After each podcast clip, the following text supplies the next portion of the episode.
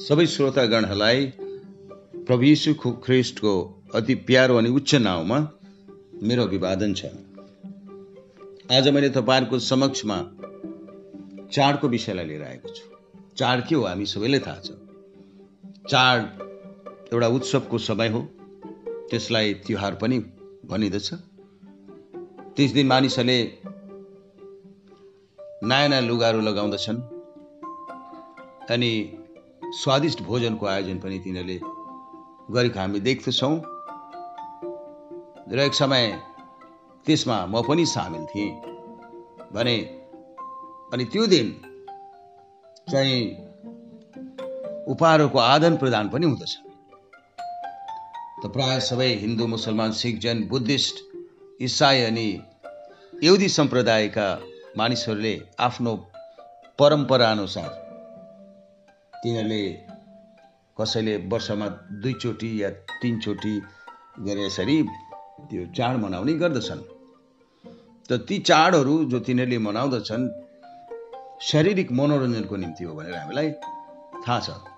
तर बाइबलभित्र पनि हामी पुरानो करारमा जब हेर्छौँ भने सातवटा चाडहरू ती महासभाका पवित्र चाडहरू परमेश्वरले ठहराउनु भएको थियो आफ्नो निम्ति। जो चाहिँ इजरायलीहरूले मान्नु पर्दथ्यो त ती चाडहरू चाहिँ शारीरिक मनोरञ्जनको निम्ति थिएन।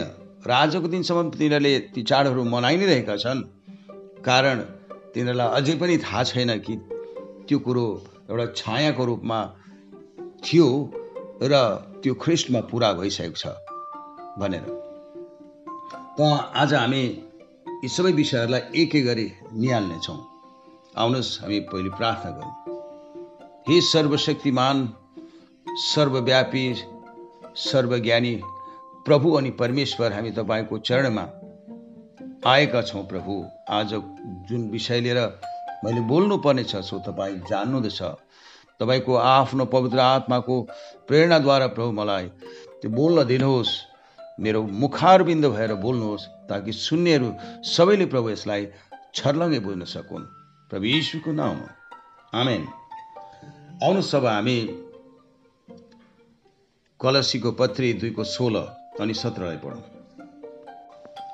यसकारण कुनै मानिसले तिमीहरूलाई खानामा अथवा पिउनमा या परबको दिन वा औँसी कि विश्राम दिन मान्ने विषयमा इन्साफ गर्न नपाओस्।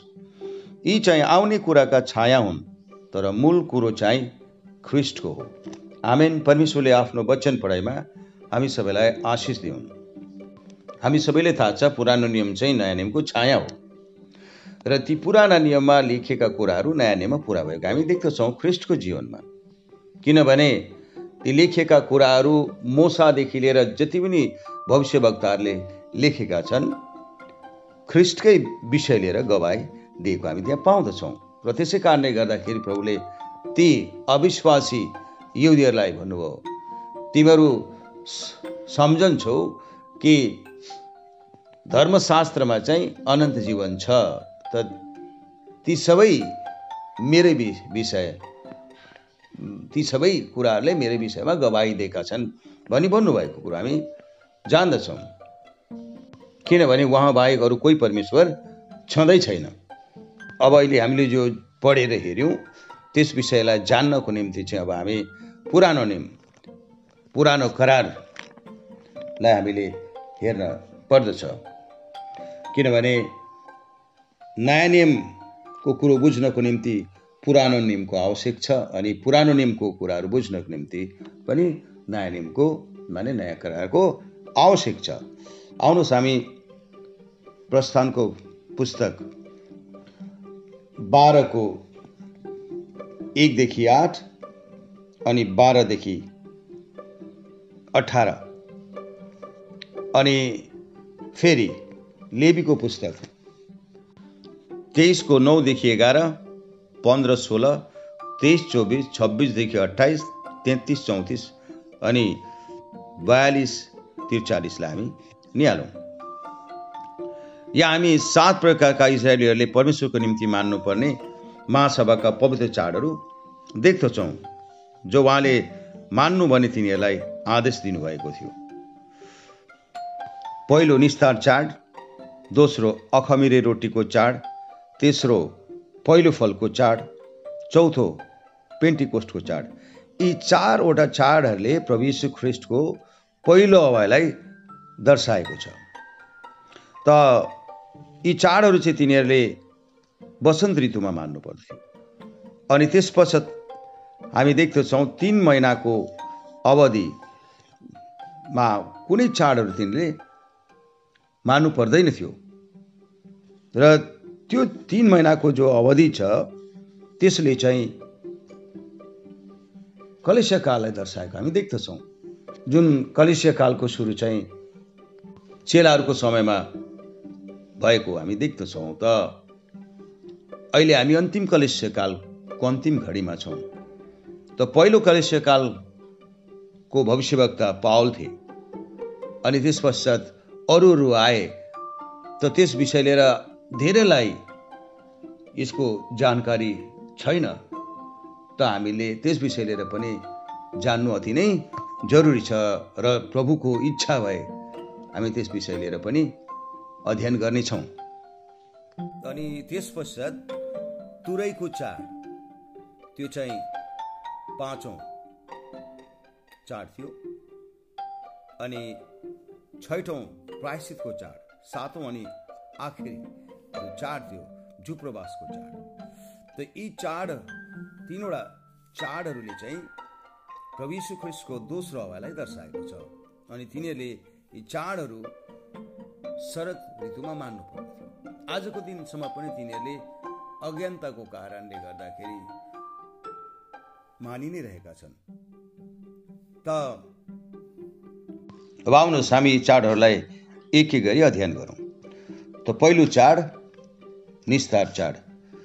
निस्तार चाडको विषय लिएर प्रस्थानको पुस्तक बाह्रको एकदेखि सात अनि बाह्रदेखि चौधसम्म हामी पाउँदछौँ। हामी एकचोटि यसलाई पढेर हेरौँ। अनि परमप्रभुले मोसा र हारुनलाई भन्नुभयो यो महिना चाहिँ तिमीहरूका निम्ति महिनाहरूको सुरु हुनेछ। यो तिमीहरूका निम्ति वर्षको पहिलो महिना हुनेछ। इजरायलका सारा समुदायलाई यसो भन।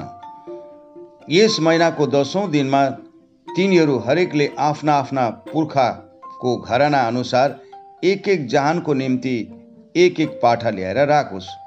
कसैको जहानमा एउटा पाठोको लागि मानिस थोरै भए त्यसले आफ्नो घरको नजिकको छिमेकीसँग मिलेर मानिसहरूका गन्ती अनुसार ल्याओस् हरेक मानिसको ख्वाइ अनुसारको पाठो गन्ती गर्नु।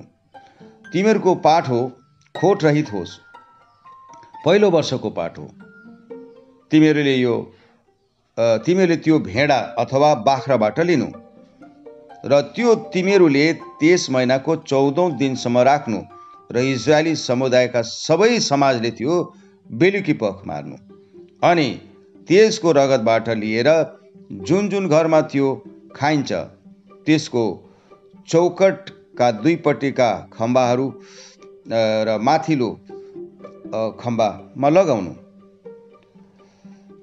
किनकि बाह्रदेखि चौध किनकि त्यस रात म मिश्रभित्र भएर जानेछु र मिश्रका मानिस र पशु दुवैका प्रथम जन्मेकालाई मार्नेछु र मिश्रका सबै देवताहरूका विरुद्धमा म इन्साफ गर्नेछु म परमप्रभु हुँ।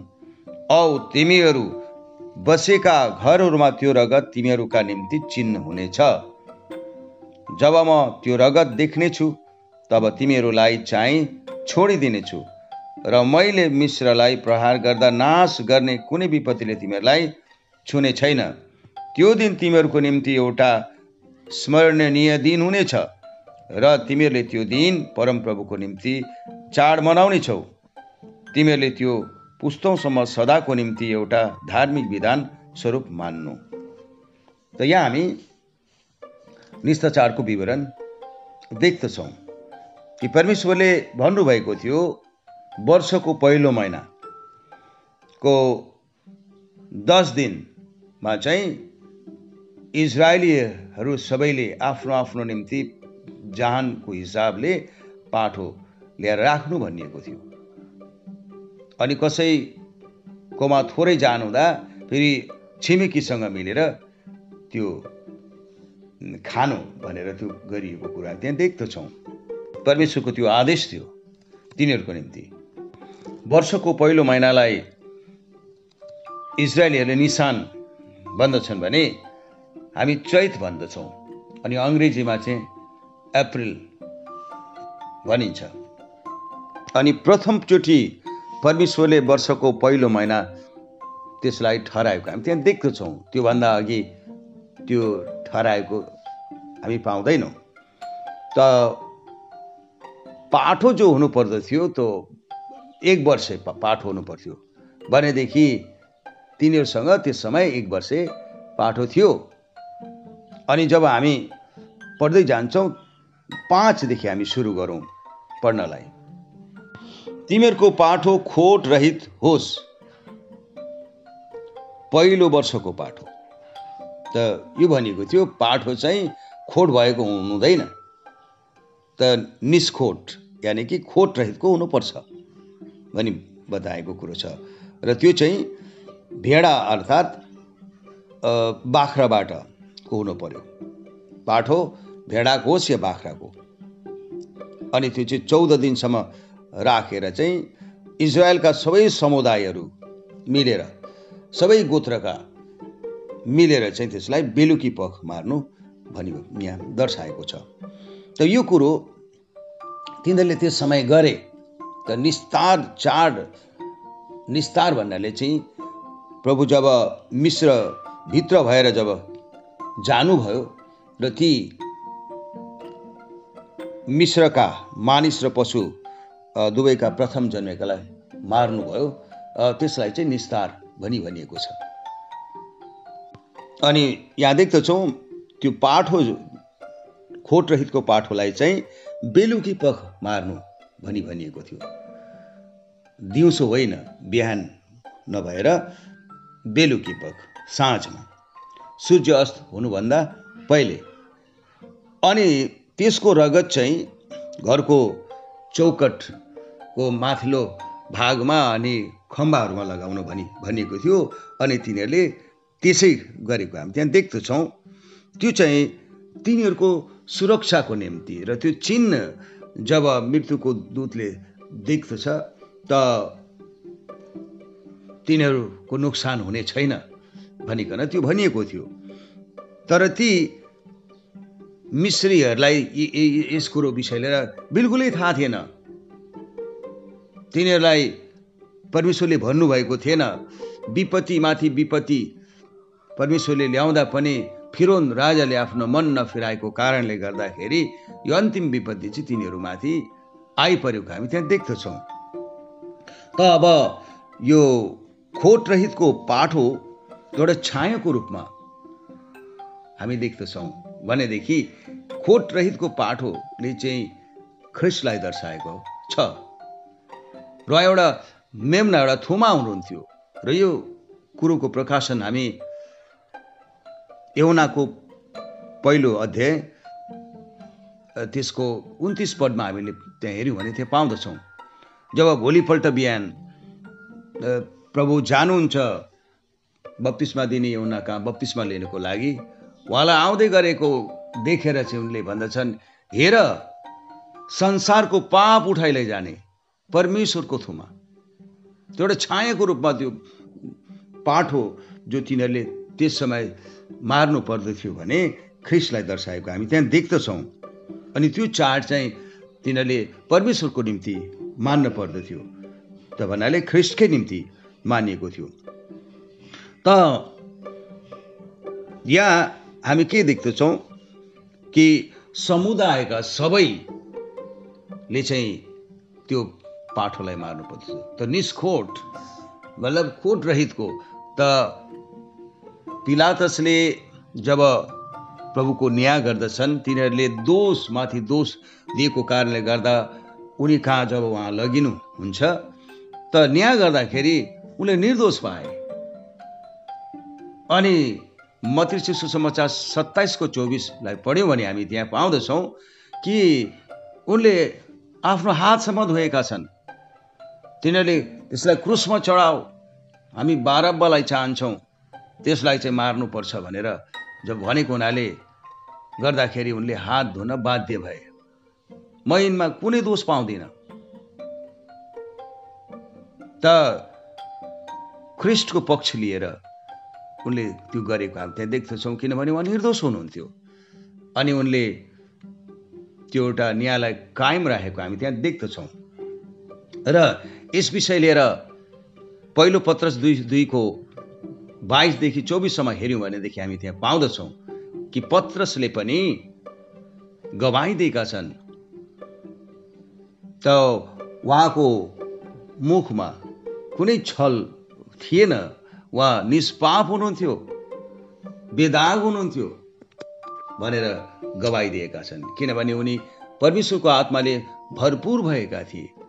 र त्यहाँनिर हामी देख्दछौँ पुरानो करारमा पनि यसैयाद्वारा त्यो भविष्यवाणी भएको थियो। यसैया त्रिपनको एकदेखि लिएर बाह्रसम्म पढ्यो भने त्यहाँ छर्लङ्गै छ। त्यो कुरो जो हुनाउने विषय लिएर ख्रिस्टको विषय लिएर बताएको कुरो त्यो निस्तार चाडको जो बलिदान उहाँ हुनुहुन्थ्यो। म त्यो दिन बलि हुनुभयो र यस कुरो विषय लिएर पनि फेरि नयाँ करारमा पहिलो कोरन्थी पाँचको साथमा त्यो कुरो पाउँदछौँ। हामी त्यसलाई पढेर हेरौँ। पुरानो खमिरलाई निकाल। यहाँ खमिरले चाहिँ केलाई दर्शाएको छ? पापलाई। र तिमीहरू बिना खमिरका भए चाहिँ नयाँ ढिका बन। त्यो नयाँ ढिका के हो त? क्रिस्टको जीवन। निष्पाप हुनुहुन्थ्यो उहाँ। किनभने हाम्रो निस्तार चाडको बलिदान भइसकेको छ जो ख्रिस्ट हुनुहुन्छ। अब एउटा छायाको रूपमा जो थियो त्यो कुरो ख्रिस्टको जीवनमा पुरा भयो। भनेदेखि हामी त्यहाँ के देख्दछौँ? त्यसको समाप्ति। मतलब निस्तार चाडको समाप्ति ख्रिस्टमा देख्दछौँ। रोमी पाँचको आठलाई पढ्यौँ भने हामी त्यहाँ पाउँदछौँ। कि हामी पापमा छँदै ख्रिस्ट हाम्रो निम्ति मर्नुभयो। जसरी त्यो पाठोलाई मार्नु पर्दा सबै इजरायलहरूका समुदायहरू मिलेर चाहिँ बेलुकी पख मार्नु भनी भनिएको थियो। त्यसै गरी हामी मती र चिसो समाचार सत्ताइसको पच्चिसमा पाउँदछौँ। त जब पिलातसले चाहिँ हात जब धुन्छन् चौबिसमा त्यो पायौँ भनेदेखि म यो यो कुरोको दोषी म बन्न चाहन्न। तिमीहरूले नै जान भन्दाखेरि उनीहरूले के भन्दछन्? हामी यसलाई पढेर हेरौँ।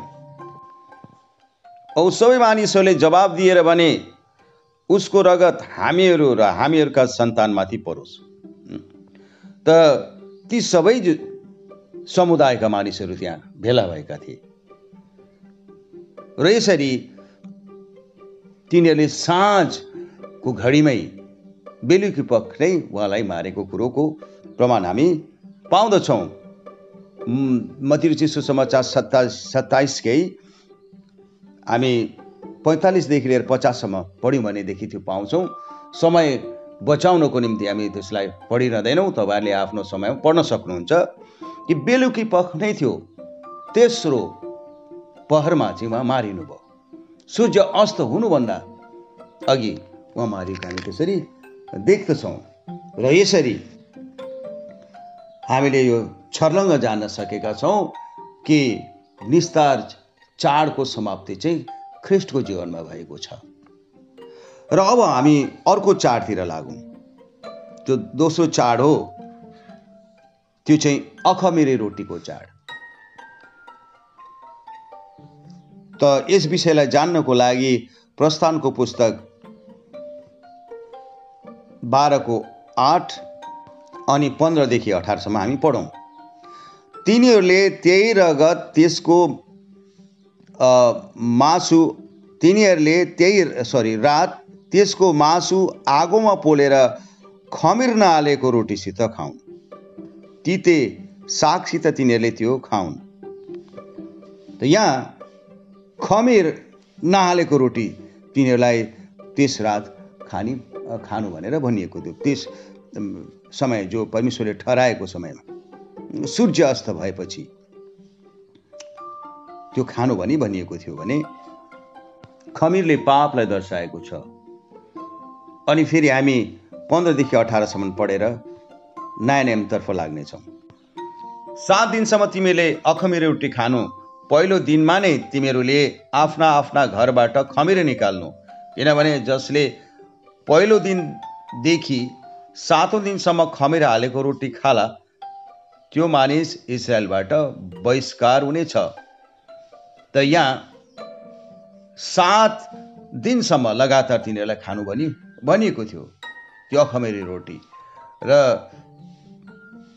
त्यो समय त्यस समय चाहिँ खमेर त्यो घरबाट पनि निकाल्नु भनिकन भनेको थियो भने अघि नै हामीले हेरिसकेका छौँ। खमिरले चाहिँ पापलाई दर्शाएको छ। र तिनीहरूले बिना खमिरको रोटी खानु भनिएको जब थियो भने खमिर हालेको रोटी खाँदा तिनीहरू इजरायलबाट बहिष्कारिने कुरो एउटा चेतावनीको रूपमा दिएको हामी त्यहाँ देख्दछौँ। पहिलो दिन तिमीहरूका निम्ति पवित्र महासभा हुनेछ। सातौँ दिनमा पनि पवित्र महासभा हुनेछ। ती दिनमा कुनै किसिमको काम नगर्नु केवल हरेक मानिसले खानको निम्ति जति गर्नुपर्छ त्यति मात्र। त काम गर्नु चाहिँ ती त्यो दिनमा अनुमति परमेश्वरले केवल खानुको निम्ति जो गर्नु पर्दथ्यो तिनीहरूले त्यति मात्र। र त्यो दिन चाहिँ बिल्कुल महासभाको दिन हुन्छ भनी ठहराउनु भएको थियो।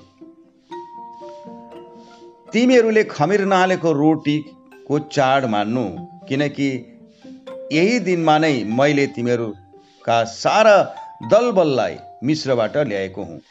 त त्यो दिन लाई याद गर्नुको लागि त्यो कुरो तिमीहरूले गर्नु भनी भनिएको थियो। तिनीहरूले त्यो समय गरेका थिएनन् त्यो आदेश मात्रै दिएको थियो भने पछि गएर त्यो कुरोलाई तिनीहरूले गरे र आजका दिनसम्म पनि तिनीहरूले गर्दै आएका छन्। त यो कुरो जो थियो एउटा परमेश्वरले जस प्रकारले हुनुपर्छ त्यो तिनीहरूलाई दर्शाउनु भएको थियो। यसकारण त्यो दिन तिमीहरूले सदाको निम्ति एउटा धार्मिक विधान स्वरूप मान्नु। सदाको निम्ति। त्यो बिल्कुल त्यो गरि नै रहनु भनिकन भनिएको थियो। पहिलो महिनाको चौधौँ दिन बेलुकीसम्म खमेर नहालेको रोटी खानु। त बेलुकी यो रोटी चाहिँ बेलुकी मतलब सूर्य अस्त भएपछि तिनीहरूले खानु पर्दथ्यो। अब यो अखमेरे रोटी चाहिँ के हो त? त्यो अखमेरे रोटी चाहिँ ख्रिस्ट हुनुहुन्छ। जब हामी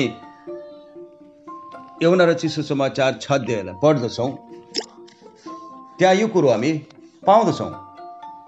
या अखमिरे रोटीको चाडले चाहिँ प्रभु भोज प्रभुको साँझको भोजलाई दर्शाएको छ।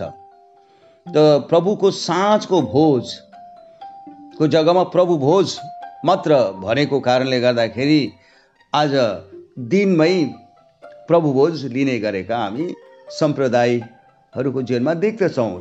क्रिस्चियन सम्प्रदायले त्यो गरेका छन्। सही प्रकाशन नपाएको कारणले वचनको सही ज्ञान नभएको कारणले त्यो गर्दछन्। प्रियजनहरू अङ्ग्रेजी भन्छ लर्ड सप लर्ड सप प्रभुको साँझको भोज। त सूर्य अस्त भएपछि तिनीहरूले खानु भने परमेश्वरले तिनीहरूलाई आदेश दिनुभएको कुरो छ भने त्यो आदेश आजसम्म जारी छ। प्रभुले पनि आफ्ना चेलाहरूसँग साँझको घडी सूर्य अस्त भए पश्चात चाहिँ त्यो प्रभु भोज लिएको। हामी त्यहाँ देख्दछौँ। र त्यो बिना खमिरको रोटी प्रभुले आफूलाई दर्शाउनु भएको छ। यौना र चिसो समाचार छको बत्तिसदेखि हामी पढौँ।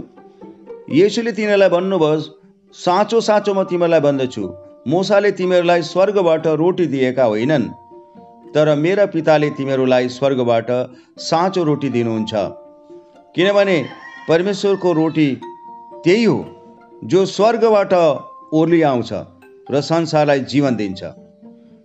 त्यो रोटी जो थियो त तिनीहरूले जो खाए त्यसमा त्यो जीवन थिएन त यो रोटी जो आफ्नो देहलाई प्रभुले दर्शाएको हामी देख्दछौँ त्यो चाहिँ जीवनदायक रोटी। यसुले तिनीहरूलाई भन्नुभयो जीवनको रोटी मै हुँ म कहाँ आउने भोक आउने छैन र मलाई विश्वास गर्ने कहिले तिर्खाउने छैन।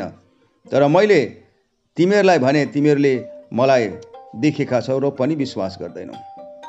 त यो कुरो वा एउटा जीवनको रोटी भनेर आउनुभएको थियो। अनि त्यो कुरो भन्न जाँदा ती जो शारीरिक थिए तिनीहरूले केही कुरो बुझ्दैन थिए। किनभने वचनको कुरो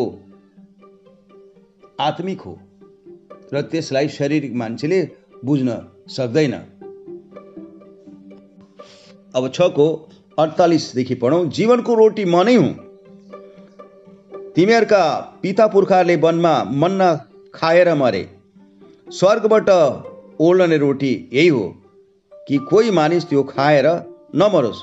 स्वर्गबाट ओर्लेको जीवित रोटी म नै हुँ। यो रोटी कोही मानिसले खायो भने सधैँभरि जिउनेछ। औ त्यो रोटी जो संसारको जीवनको लागि दिनेछु मेरो देह हो। त त्यस रोटीले जुन रोटी तिनीहरूले खाए निस्तार चाडको समयमा जो मतलब अखमेरी रोटी जो खाएका थिए त्यो चाहिँ एउटा छायाको रूपमा थियो भने ख्रिस्टको देहलाई दर्शाएको छ। र प्रिय प्रभुका जनहरू हो म तपाईँहरूलाई यो भन्न चाहन्छु प्रभु भोज चाहिँ सूर्य अस्त भएपछि हामीले लिनु पर्दछ अनि जब त्यो रोटी जब हामी लिँदछौँ त्यो सङ्कल्प लिएर प्रभु यीशुको जब देहलाई दर्शाउँछ भने त्यो चाहिँ आँटाको पिठोबाट बनेको हुनुपर्छ। त्यसमा कुनै कुरो मिसाएको हुँदैन। त्यो यथार्थ प्रभुको शरीर होइन जरुर। रोमन क्याथलिकले त्यो सोचेर भुल गरेका छन्। र अब ब्रेकफास्टलाई चाहिँ बिहानको खाना भनिन्छ। नेपालीमा भने अङ्ग्रेजीमा ब्रेकफास्ट भन्छ। रातभरि उपवास बसेपछि त्यसलाई तोड्दा चाहिँ त्यसलाई ब्रेकफास्ट भनिएको अनि त्यस पश्चात उल्टी बेला जो खान्छौँ दोपहरको समयमा त्यसलाई लन्च भनिन्छ अङ्ग्रेजीमा। अनि सूर्य अस्त भए पश्चात जब खाइन्छ भने सप। अनि त्यस पश्चात जब खान्छौँ हामी सूर्य अस्त भए पश्चात जब राति खाने भोजनलाई चाहिँ डिनर भनिन्छ अङ्ग्रेजीमा। यसरी छुट्याएको छ। र दिनमै खाने कुरो होइन प्रभु होस् प्रियजनहरू हो। बिल्कुल होइन। यो बिल्कुल परमेश्वरको इच्छाको विरुद्धको कुरो छ। वचन अनुसार बिल्कुलै छैन। हरेक कुरो जो हामीले गर्नुपर्छ वचनमा आधारित हुनुपर्छ। त अब संस्था सम्प्रदायले के गरेका छन्? त्यो शुद्ध जो रोटी हुनुपर्छ कुनै कुरो नमिसाएको त्यो चाहिँ गहुँको पिठोबाट बनेको भने त्यसको जग्गामा तोस रोटी र बिस्किटको प्रयोग गरेको मैले देखेको छु। अनि शुद्ध दाग रसको सट्टामा चाहिँ सुन्तलाको रस कोको कोला व्यवहार गर्ने गर्दछन्। यो एउटा परमेश्वरको इच्छाको विरुद्धको कुरो हो प्रियजनहरू हो। प्रभुभोजको विषय लिएर हामी एक दिन फेरि सुन्नेछौँ र त्यसलाई प्रभुको दया भए हामी सबैले छर्लङ्ग बुझ्न पाउनेछौँ भन्ने म आशा राखेको छु। यसरी अखमेरे रोटीको चाडको समाप्ति हामीले ख्रिस्टको जीवनमा भएको देखेका छौँ। अब हामी तेस्रो चाडको विषय लिएर अध्ययन गरौँ। र तेस्रो चाड चाहिँ पहिलो फलको चाड थियो। त त्यस विषय लिएर हामी लेबीको पुस्तक तेइस अध्यायको नौदेखि एघारसम्म पढौँ।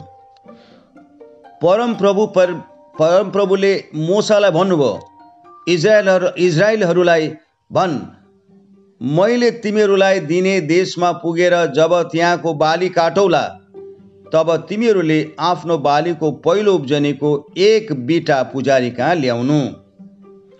त यहाँ आदेश जो थियो परमेश्वरको त यो तेस्रो जो चाड चाहिँ तिनीहरूले त्यस जग्गामा तिनीहरूले मान मानेनन् मिश्र देशमा पनि मानेनन् र मिश्र देशबाट जब निस्केर प्रस्थान भएर कनान देशतर्फ लागिरहेको थिए त्यो बाटोमा पनि त्यो कुरोलाई मानेको हामी त्यहाँ देख्दैनौँ। त प्रभुले भन्नुभएको थियो आदेश दिनुभएको थियो कि देश देशमा प्रतिज्ञाको देशमा पुगेर त्यो गर्नु भनी भनिएको थियो भने तिनीहरूले त्यो प्रतिज्ञाको देशमा पुगेर गरेको कुरो।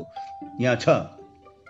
तर पहिलो बाली काटेको जो हुँदथ्यो तिनीहरूलाई के गर्नु पर्दथ्यो तिनीहरूले कि त्यो एउटा चाहिँ मुठा बाँधेर चाहिँ पुजारी कहाँ लानु पर्दथ्यो त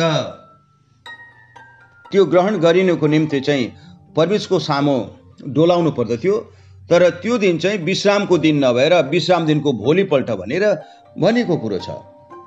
र विश्राम दिनको भोलिपल्ट पुजारीले त्यसलाई परमेश्वरको सामु डोलाउनु पर्दथ्यो अब यस कुरोले के दर्शाएको छ? किनभने यो त छायाको रूपमा हामी देख्दछौँ। अघि नै मैले भनिसकेँ कि पुरानो नियम चाहिँ नयाँ नियमको के हो? छाया हो। त यस कुरोले ख्रिस्टको पुनरुत्थानलाई दर्शाएको हामी पाउँदछौँ। आउनुहोस् अब हामी पहिलो कोरेन्थीको पन्ध्रको बिस अनि तेइसलाई पढौँ। तर अब मर्नेहरूमा पहिलो फल भएर ख्रिस्ट मरेकाहरूबाट बिउताइनु भएको छ। त यो कुरो हेर्नुहोस् पहिलो फल उहाँ हुनुहुन्थ्यो। र उहाँ जब बिउताउनु भयो त पहिलो फल भएर मानव इतिहासमा कोही कसैको पनि पुनरुत्थान भएन उहाँभन्दा अघि। त त्यसलाई पढौँ तर हरेक आफ्नो आफ्नै क्रमअनुसार ख्रिस्ट पहिलो फल त्यसपछि उहाँका आगमनमा ख्रिस्टकाहरू जति त्यो ख्रिस्टकाहरू जतिले पनि अब त्यो मौका पाउने छन् जो मरेकाहरू छन् पुनरुत्थान हुनेछ तिनीहरूको।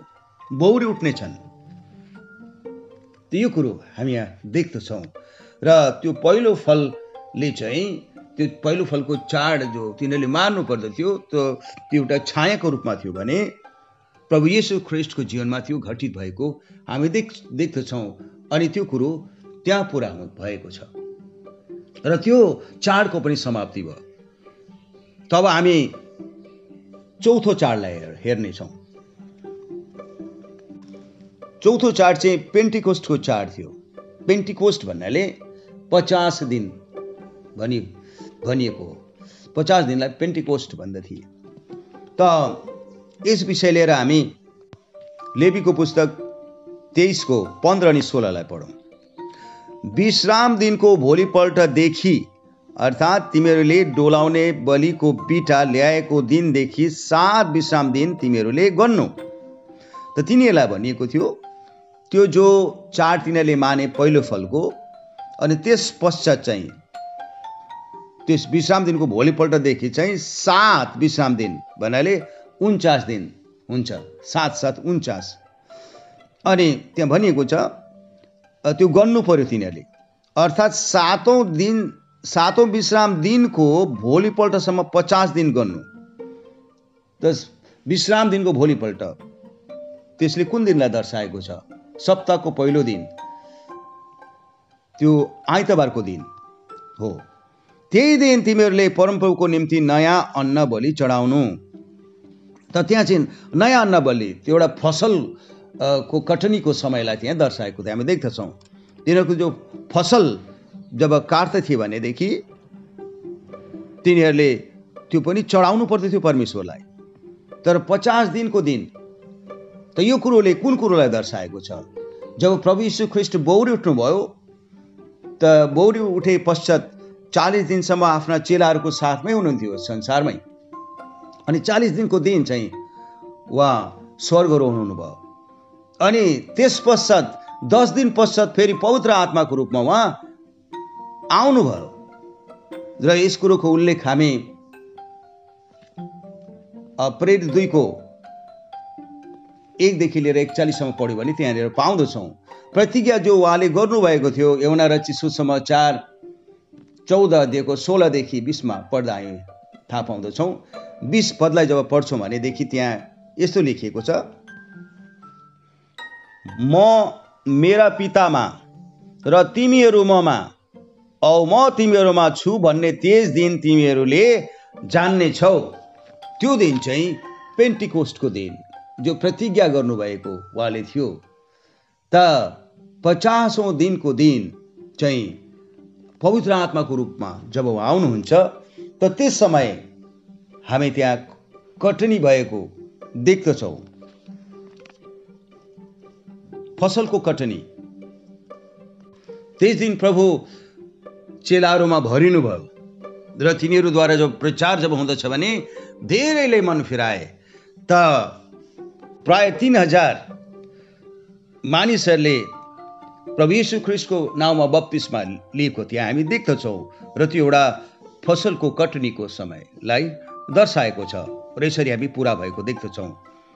त्यो कुरो हामी दुईको एकचालिसलाई पढ्यौँ भने त्यहाँ पाउँछौँ। तब जस जसले तिनको कुरा ग्रहण गरे पत्रसले प्रचार गर्दै गरे कुरालाई ग्रहण गरे तिनीहरूले बत्तिसमा लिए र त्यसै दिन प्राय तिन हजार प्राणीहरू तिनीहरूमा थपिए। र यसरी त्यो फसलको कटनी त्यहाँ भएको हामी त्यहाँ देख्दछौँ र त्यो कुरो त्यहाँ पुरा भयो भनेदेखि पेन्टिकोस्टको दिनमै भएको थियो। त्यो चाड तिनीहरू मनाउनको निम्ति सब सबै जग्गाबाट त्यहाँ एकत्रित भएको थिए। किनभने महासभाको चाड हो त्यो।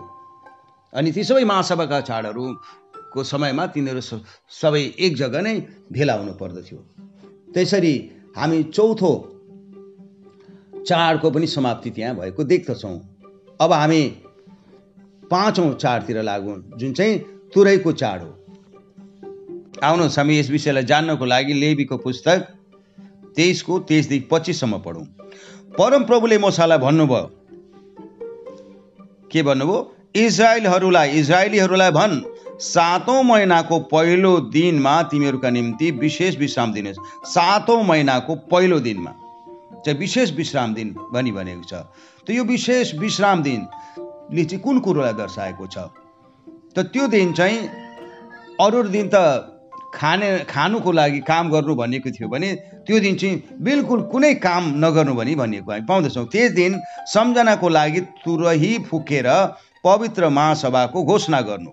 त ती पुजारीहरूले चाहिँ तुरै फुक्नु पर्दथ्यो र त्यो पवित्र महासभाको घोषणा गर्नु पर्दथ्यो र त्यो तिनीहरूले गर्दथे। र आजको दिनसम्म पनि तिनीहरूले गरि नै रहेका छन्।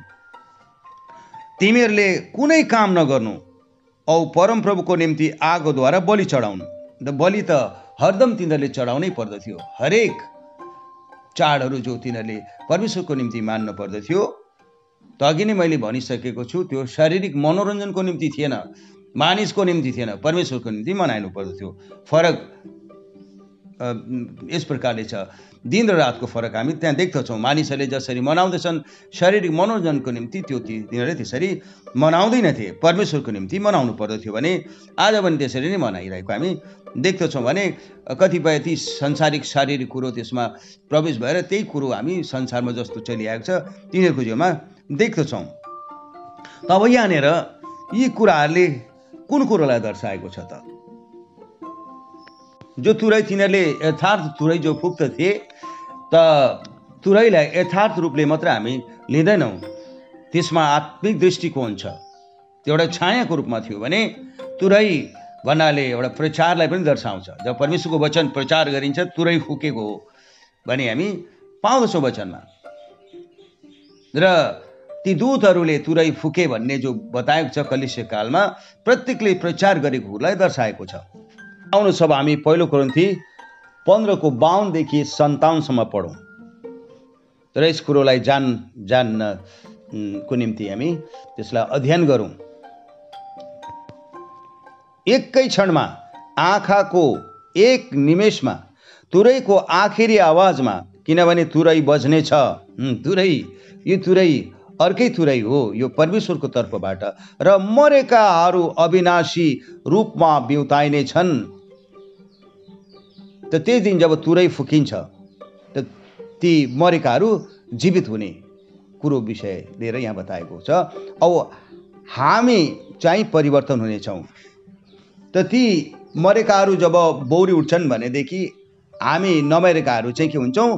परिवर्तन हुन्छौँ। किनकि यस विनाशीले अविनाशी र यस मरणशीलले अमर रूप धारण गर्नै पर्छ। यसै शरीरमा हामी जाँदैनौँ। हामी अविनाशी शरीरमा जान्छौँ। यो त मरणशील हो। र अमर त जब हामीले धारण गरेका हुन्छौँ जो परमेश्वरले हाम हाम्रो निम्ति ठहराउनु भएको छ। र भविष्यवक्ता ले यस विषय लिएर के भन्नुभएको छ? जब हाम्रो परिवर्तन हुँदछ भनेदेखि हामी अठार वर्षदेखि लिएर एक्काइस वर्ष उमेरको त्यस उमेरमा हामी देखा पर्नेछौँ भनेदेखि यस रूपमा होइन त्यो रूपमा जो परमेश्वरले हामीलाई दिनुहुन्छ। तर जब यस अवि यस विनाशीले अविनाशी धारण गरेको र मरणशीलले अमर धारण गरेको हुन्छ तब लेखिएको कुरा त्यो कुरा पुरा हुनेछ। मृत्यु विजयमा निलियो। ए मृत्यु तेरो विजय कहाँ? हे मृत्यु तेरो खिल कहाँ? मृत्युको खिल पाप हो र पापको शक्ति व्यवस्था हो। त मृत्युको खिल हामीलाई थाहा छ त्यो चाहिँ पाप हो। जबसम्म पाप हाम्रो जीवनमा छ त्यो अविश्वासको जो काम हाम्रो जीवनमा देखा पर्छ त त्यो चाहिँ खिल हो मृत्युको। मृत्यु छ हामीमा। हामीले जीवन पाएका हुँदैनौँ। त्यो कुरोलाई दर्शाएको छ। त हामीले चोर्न छोडेका छैनौँ ढाँट्न छोडेका छैनौँ छलछामको कुरो छँदैछ जस्तो अरूहरू छन् त्यस्तै छ भनेदेखि हाम्रो उद्धार भएको हुँदैन। र हामी दिनको सपनामा यसरी समयमा यो सोच लिएर रहेका हुँदा हौँ त त्यो हामीले त्यो सोच नलिउँ जबसम्म पाप हामी भित्र छ त हामी मृत्युमा छौँ जीवनमा छैनौँ जीवनमा सरिसकेका छैनौँ। तर परमेश्वरलाई धन्यवाद होस् जसले हामीलाई हाम्रा प्रभु येसु ख्रिस्टद्वारा विजय दिनुहुन्छ। त यीशु ख्रिस्टद्वारा मात्रै हामी विजय प्राप्त गर्छौँ। उहाँको विश्वासद्वारा मात्र हाम्रो विश्वासले होइन प्रियजनहरू। उहाँकै विश्वास हामीमा हुनुपर्दछ। त्यसै कारणले गर्दा प्रभुले भन्नुभयो ढाडस गर मैले संसारलाई जितेको छु। त हामीले पनि संसारलाई जितेको हुनुपर्छ। शारीरिक अभिलाषाहरू जो छन् यी सबै संसार हुन् त्यसलाई हामीले जितेको हुनुपर्दछ। र आत्मिक कुरोको अभिलाषा हामीमा हुनुपर्दछ। त्यो दरिद्रता हामीमा हुनुपर्छ आत्मिक कुरोको विषय लिएर। कतिले दरिद्रताको कुरो गर्दाखेरि दरिद्र गरिब जो छ भिखारीलाई भन्ने गर्दछन् त्यो गल्ती हो। दरिद्र त त्यो जसको छ र पनि त्यसलाई पुगेको छैन। त्यो अमिर हो। त्यसलाई कहिल्यै पुग्दैन। त्यसै कारणले गर्दा भनेको छ धनी हुन चाहनेहरूलाई धिकार किनभने ती ती भ्रष्टाचारीहरू हुन्। त दरिद्रता चाहिँ हाम्रो हुनुपर्छ वचनतर्फको। एउटा भिखारी जो छ त्यसमा दरिद्रता छैन। त्यसमा त तृप्ति छ। आजको दिनमा कसैले पाँच सौ रुपियाँ दियो भने त्यसलाई भयो अब। त्यो अघि बढ्दैन। किन भोलिको दिनले भोलिको दिनले नै भोलिको लागि चिन्ता गर्दछ। त भनेदेखि त्यो तृप्ति त्यो भिखारीमा छ। भनेदेखि आज हामीमा तृप्ति परमेश्वरको वचनद्वारा अवश्य छ। तर त्यसले त्यो अझै अझै भन्दा अझै धेरै त्यसको अभिलाषा हाम्रो हुनु पर्यो त्यसप्रतिको अभिलाषा हुनु पर्यो त्यो दरिद्रता त्यसप्रति हाम्रो हुन पर्दछ। र मात्रै हामी विजय बन्छौँ। नत्र भने हामीले हारको सामना गर्नुपर्दछ यस विषयलाई अझै गहिरो रूपले जान्नको निम्ति पहिलो थिस्लोनिकी चारको सोह्र अनि सत्र पदलाई पनि पढौँ। किनभने ठुलो शब्दले प्रधान दूतको आवाज र परमेश्वरको तुरैको साथ प्रभु आफै स्वर्गबाट ओर्लनु हुनेछ र ख्रिसमा मरेकाहरू चाहिँ पहिले बिउताइनेछन्। तब हामी जिउँदा र बाँचिरहेकाहरू पनि प्रभुलाई आकाशमा भेट्नलाई तिनीहरूका साथसाथै बादलमा भेट्न जानेछौँ र यसरी हामी सधैँ प्रभुकै साथमा रहनेछौँ। आमेन। यो कुरोको विषय हो। र तुरै जब ती दूतहरूले फुक्दछन् ती मरेकाहरू बिउती जानेछन् अनि हामी जो जीवित छौँ हाम्रो परिवर्तन हुनेछ र प्रभुलाई हामीले बादलमा भेट्नेछौँ र प्रभुको साथमा हामी सधैँको निम्ति हुनेछौँ। यो कुरो त्यो तुरैको विषय लिएर लिएर हामीले जान्न सकेछौँ र त्यो कुरो हुन बाँकी छ।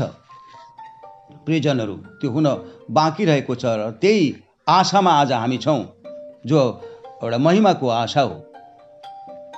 छैठौँ चाड जो चाहिँ प्रायश्चितको चाड थियो इजरायलहरूको निम्ति परमेश्वरले ठहराउनु भएको त या प्रायश्चितको चाडलाई हामी हेर्नेछौँ तेइस अध्ययको लेबीको पुस्तक छब्बिसदेखि लिएर अठाइससम्म हामी हेरौँ परमप्रभुले मसालाई भन्नुभयो हरेक कुरो जो परमेश्वरले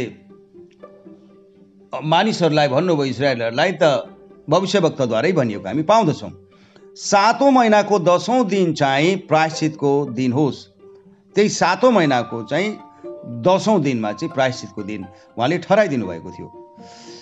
त्यो दिन तिमीहरूका निम्ति पवित्र महासभा होस्। त्यस दिन पनि पवित्र महासभा। महासभा भन्नाले सबै एक जग्गा भएर त्यो मनाउनु पर्ने सभा थियो। त्यो जग्गामा सबै आउँदथिए त्यो त्यो अनिवार्य गरिएको थियो महासभा। तिनीहरूले आफैलाई दिन तुल्याउन् र तिमीहरूले परमप्रभुको निम्ति आगोद्वारा बलि चढाउनु। हरेक चाडमा चाहिँ बलि चढाएको थियो। हामी त्यहाँ देख्दछौँ। र त्यस दिन चाहिँ तिनीहरूले आफूलाई दिन तुल्याउनु पर्दथ्यो। विनम्रतामा रहनु पर्दथ्यो। त यो कुरो प्रायश्चितको कुरो त्यस प्रकारले थियो। अठाइसमा पढौँ। त्यस दिन तिमीहरूले कुनै किसिमको काम नगर्नु किनभने परमप्रभुको सामने तिमीहरूका निम्ति प्रायश्चित गरिने त्यो प्रायश्चितको दिन हो। र त्यस दिन कुनै प्रकारको काम नगर्नु भनी भनिएको त्यो हामी देख्दछौँ अरू दिन त काम गर्नु भनेको थियो भने विशेष दिन जो तुरै फुकेको दिन बिल्कुलै नगर्नु भनेको थियो भने अब त्यो पूर्ण विश विश्राम त्यो त हामीले देखिहाल्यौँ त्यो जब हामी प्रभुको साथमा हुनेछौँ त पूर्ण विश्राम। त्यहाँबाट हामीले कोही परिश्रम गर्ने कुरो त्यहाँ आउँदैन। बिल्कुल सधैँको निम्ति अनन्तको निम्ति त्यो कुरोलाई दर्शाएको हामीले त्यहाँ देख्यौँ भनेदेखि अब यो जो थियो प्रायश्चितको जो चाड थियो त्यस दिन चाहिँ तिनीहरूले आफ्नो पाप मानिनु पर्दथ्यो। कतिपय पापहरू हामीले जीवनमा गरेका हुन्छौँ। त आज हाम्रो जीवनमा पनि त्यो कुरो लागु छ। प्रायश्चित त्यो त्यो हाम्रो दिनमा हर पल लागु हुनुपर्दछ हर समय हामीले पश्चाताप गर्नुपर्दछ हामी परमेश्वरको दृष्टिमा पापी छौँ। पाप गर्दैन अवश्य हो। तर पनि हामी चुकेका कहीँ न कहीँ हुन्छौँ। त्यसै कारणले हर पल प्रायश्चित हुन आवश्यक छ। कतिपय मानिसहरूले भन्दछन् पश्चाताप गरिहालेको छ त एक खेप। फेरि फेरि किन पश्चाताप गर्नु? प्रायश्चित गर्ने त हरबारको कुरो आएन त भन्ने कुरो गर्दछन् भने नबुझेर हो। प्रायश्चित हाम्रो हर पल हुनुपर्छ। हामी कहीँ न कहीँ चुकेका हुन्छौँ। हामी जान्दैनौँ कहाँ चुकेका हुन्छौँ। त्यसै कारणले गर्दा प्रायश्चित हाम्रो जीवनमा हुनुपर्दछ। त अब जो प्रायश्चित तिनीहरूले गर्नुपर्दथ्यो त्यस दिन चाहिँ प्र जो प्रधान जो पुजारी थिए र त्यस समय चाहिँ महापवित्र स्थानमा गएर चाहिँ राष्ट्रको निम्ति त्यो बलिको रगत त्यहाँ छिर्कनु पर्दथ्यो त्यो चढाउनु पर्दथ्यो त्यहाँ। तिनीहरूको प्रायश्चितको निम्ति तिनीहरूले त्यो प्रधान पुजारीले गर्ने गर्दथे। त अब यो कुरोको समाप्ति हामी ख्रिस्टको जीवनमा भएको हामी त्यहाँ देख्दछौँ। सधैँको निम्ति प्रधान पुजारी उहाँ हुनुहुन्छ भनेर हामी हिब्रू पाँचको तिनदेखि छसम्म पाउँदछौँ। यहाँ बताएको छ यसकारण मानिसहरूका निम्ति जस्तै आफ्नै पापका निम्ति पनि बलिदान चढाउन बाध्य हुन्छन्। त ती प्रधान पुजारीहरूले पनि आफ्नै पापको निम्ति पनि बलिदान चढाउनु पर्दथ्यो। औ आफैले आफैलाई यो मान मान कुनै मानिसले लिँदैन। यो मान कुनै मानिसले लिँदैन तर हारुनलाई चाहिँ परमेश्वरबाट बोलावट भएको हुन्छ। यसरी ख्रिसले पनि प्रधान पुजारी हुनलाई आफैले आफैलाई महिमित पार्नु भएन। उहाँले आफैले आफैले महिमित पार्नु भएन। त्यो शरीरमा त्यो त्यो महिमा आफैले लिनु भएन भन्ने कुरो छ। तर उहाँलाई यसो भन्नुहुने बाटै नियुक्त हुनुभयो। तिमी मेरा पुत्र हौ। तिमीलाई मैले आज जन्माएको छु।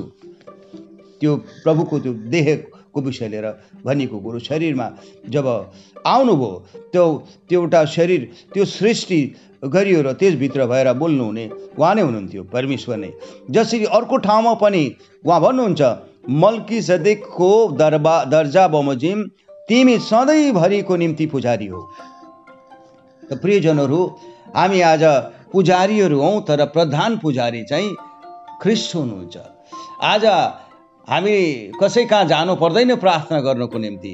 हामी जहाँ छौँ त्यहीँबाट हामी प्रार्थना गर्छौँ र परमेश्वरसँग सिधै सम्पर्क राख्न सक्छौँ। त्यो कुरो त प्रभुले आफूमा त्यस दिन समाप्त गर्नुभयो। जुन दिन उहाँ मारिनुभयो र प्राण त्याग्नुभयो त्यस दिन पद पर्दा फेददेखि टुप्पोसम्म फाटेर गएको कारण त्यही नै हो। र यसरी हामी त्यो जो प्रायश्चित चाडको पनि पूर्ति भएको त्यहाँनिर हामी देख्दछौँ। उहाँ आज महा पुजारी मतलब प्रधान पुजारीको रूपमा हुनुहुन्छ। यो कुरो हामीले आज छर्लङ्ग गरी बुझ्न सक्यौँ। अब फेरि भविष्यमा यो प्रायश्चितको समय यहुदीहरूको निम्ति राखिएको हामी त्यहाँ देख्दछौँ प्रायश्चितको कुरो। आउनुहोस् जकरिया बाह्रको दसलाई पढौँ। म दाउदका घराना र यरुसलेमका बासिन्दाहरूमाथि दया र प्रार्थना गर्ने आत्मा खन्याउने छु। यो दाउदका घराना र यरुसलेममाथि बासिन्दाहरूमाथि त्यहाँ बसोबासे गर्ने सबैमाथि बताएको छ भनेदेखि म के गर्नेछु? आत्मा खन्याउने छु त आत्मा अहिले तिनीहरूमाथि खनाइएको छैन। त आत्मा तब खनाइन्छ जब अन्य जातिलाई उठाइ लगिन्छ। औ तिनीहरूले मलाई हेर्ने छन् जसलाई तिनीहरूले घोचेथे र जसरी एकमात्र छोराको लागि केही कोही बिलाप गर्दछ त्यसरी नै तिनीहरू मेरो लागि बिलाप गर्नेछन्। औ यस्तो ठुलो शोक गर्नेछन् जसरी पहिले जन्मेको पुत्रको निम्ति गरिन्छ। त त्यो दिनलाई दर्शाएको हामी त्यहाँ देख्दछौँ। त्यहाँ चार ए मतलब एक लाख चौवालिस हजार जो परमेश्वरको निम्ति चुनिएका जो छन् जसलाई अङ्ग्रेजीमा रेमनान्ट भनिन्छ बाँचेकाहरू त ती बचाइने जोहरू छन् जो चाहिँ मिलेनियममा उनीहरूले त्यो एउटा मौका पाउने कुरा हामी त्यहाँ देख्दछौँ परमेश्वरले तिनीहरूलाई एक हजार वर्षको राज्यमा प्रवेश गराउनुहुन्छ। त त्यो दिन तिनीहरूले छाती पिट्नेछन् ती यहुदीहरू हुन्। त्यस दिन तिनीहरूलाई त्यो आत्माद्वारा परमेश्वरले जान्न दिनुहुन्छ कि येसु नै प्रभु हुनुहुन्छ भनेर। अहिले त तिनीहरूले येसु नै प्रभु हुनुहुन्छ उहाँ नै परमेश्वर हुनुहुन्छ भनेर मान्दैनन्। तर त्यस दिन जो ठहराएको दिन छ प्रायश्चितको दिन तिनीहरूको निम्ति हुनेछ। तिनीहरूले साँचो पश्चाताप तिनीहरूले गर्नेछन् छाती पिटी पिटी रुनेछन्। किनभने त्यो दिन तिनीहरूको होस आउनेछ। यीशु नै परमेश्वर प्रभु ख्रिस्ट स्वयं हुनुहुन्छ भनेर जान्ने दिन हुनेछ। यसरी त्यो प्रायश्चितको चाड पनि ख्रिस्टको जीवनमा पुरा भएको। हामी त्यहाँ देख्दछौँ। अब रहेको अन्तिम चाड चाहिँ झुप्रोबासको चाड हो। हामी फेरि तेइस अध्यायकै तेत्तिस चौतिस अनि बयालिस र त्रिचालिसलाई पढेर हेर्नेछौँ।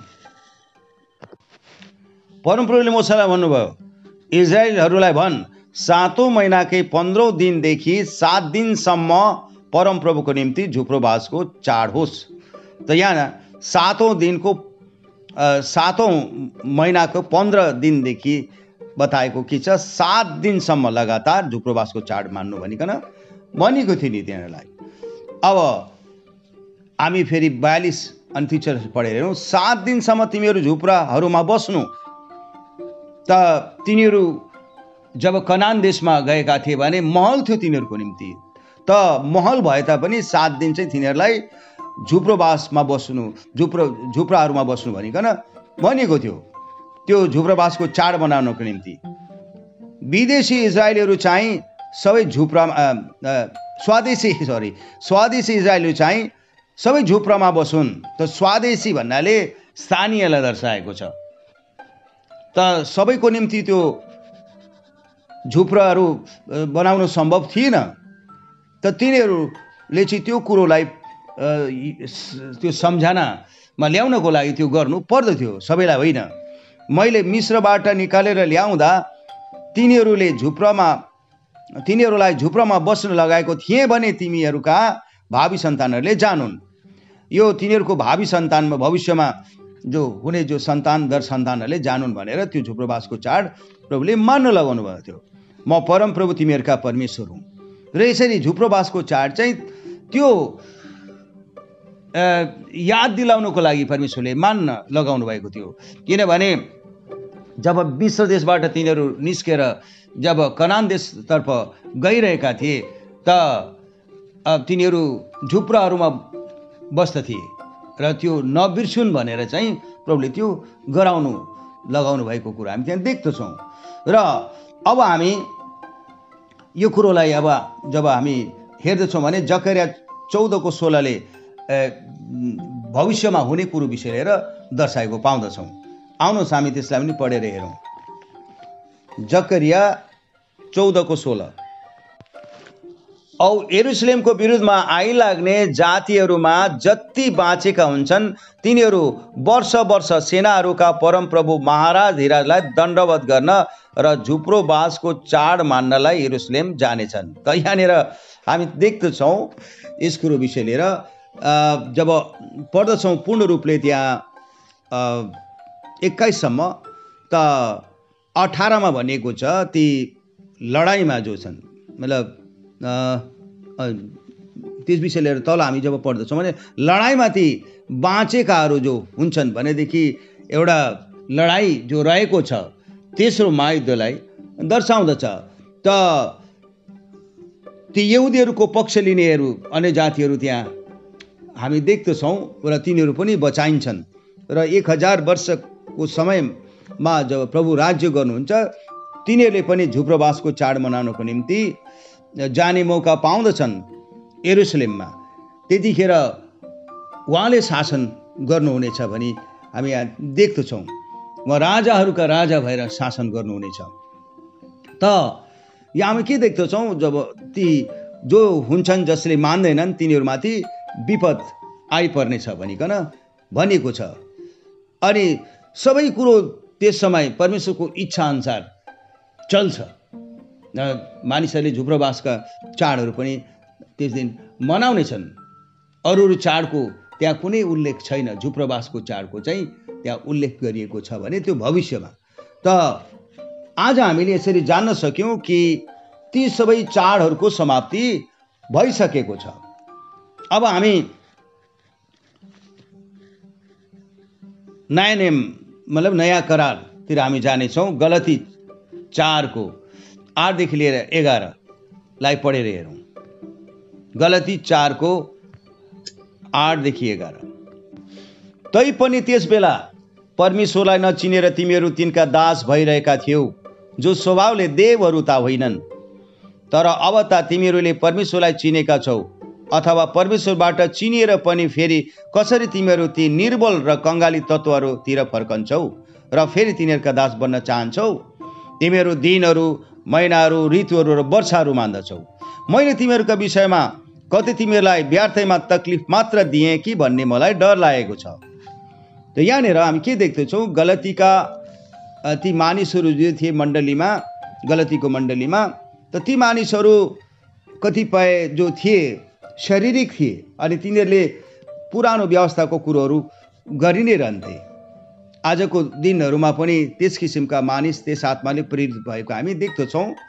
पुरानो कुरोहरूलाई नै दोहोऱ्याइरहेका छन् जीवनमा। भने तिनीहरूले त्यो कुरोलाई दोहोऱ्याइरहेका थिए।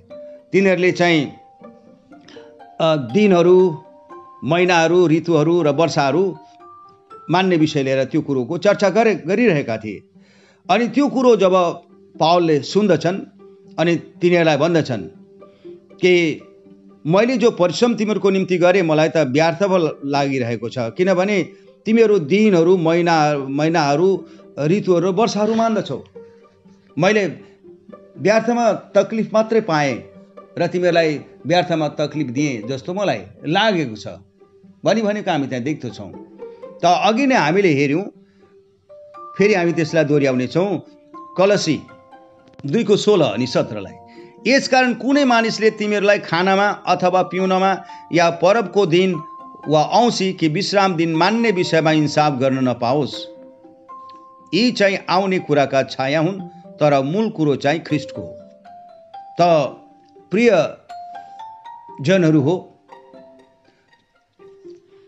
अघि नै हामीले यस विषय लिएर जानिसक्यौँ कुरो के हो। त त्यस कुरोको समाप्ति भइसकेको कुरो पावलले बताएका छन्। त्यो त्यसलाई दोहोऱ्याएर हामीलाई केही फाइदा हुनेवाला छैन भनी उनले भन्न चाहेका हुन्।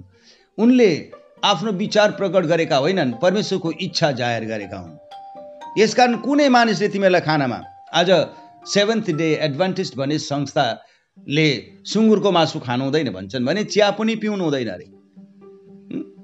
त कतिले भन्छन् पर्वको दिन हुनुपर्छ मनाउनु पर्छ जस्तो तिनीहरूले ती दिनमा भनिरहेका थिए पावललाई। र पावलले त्यहाँनिर फटकारेका छन्।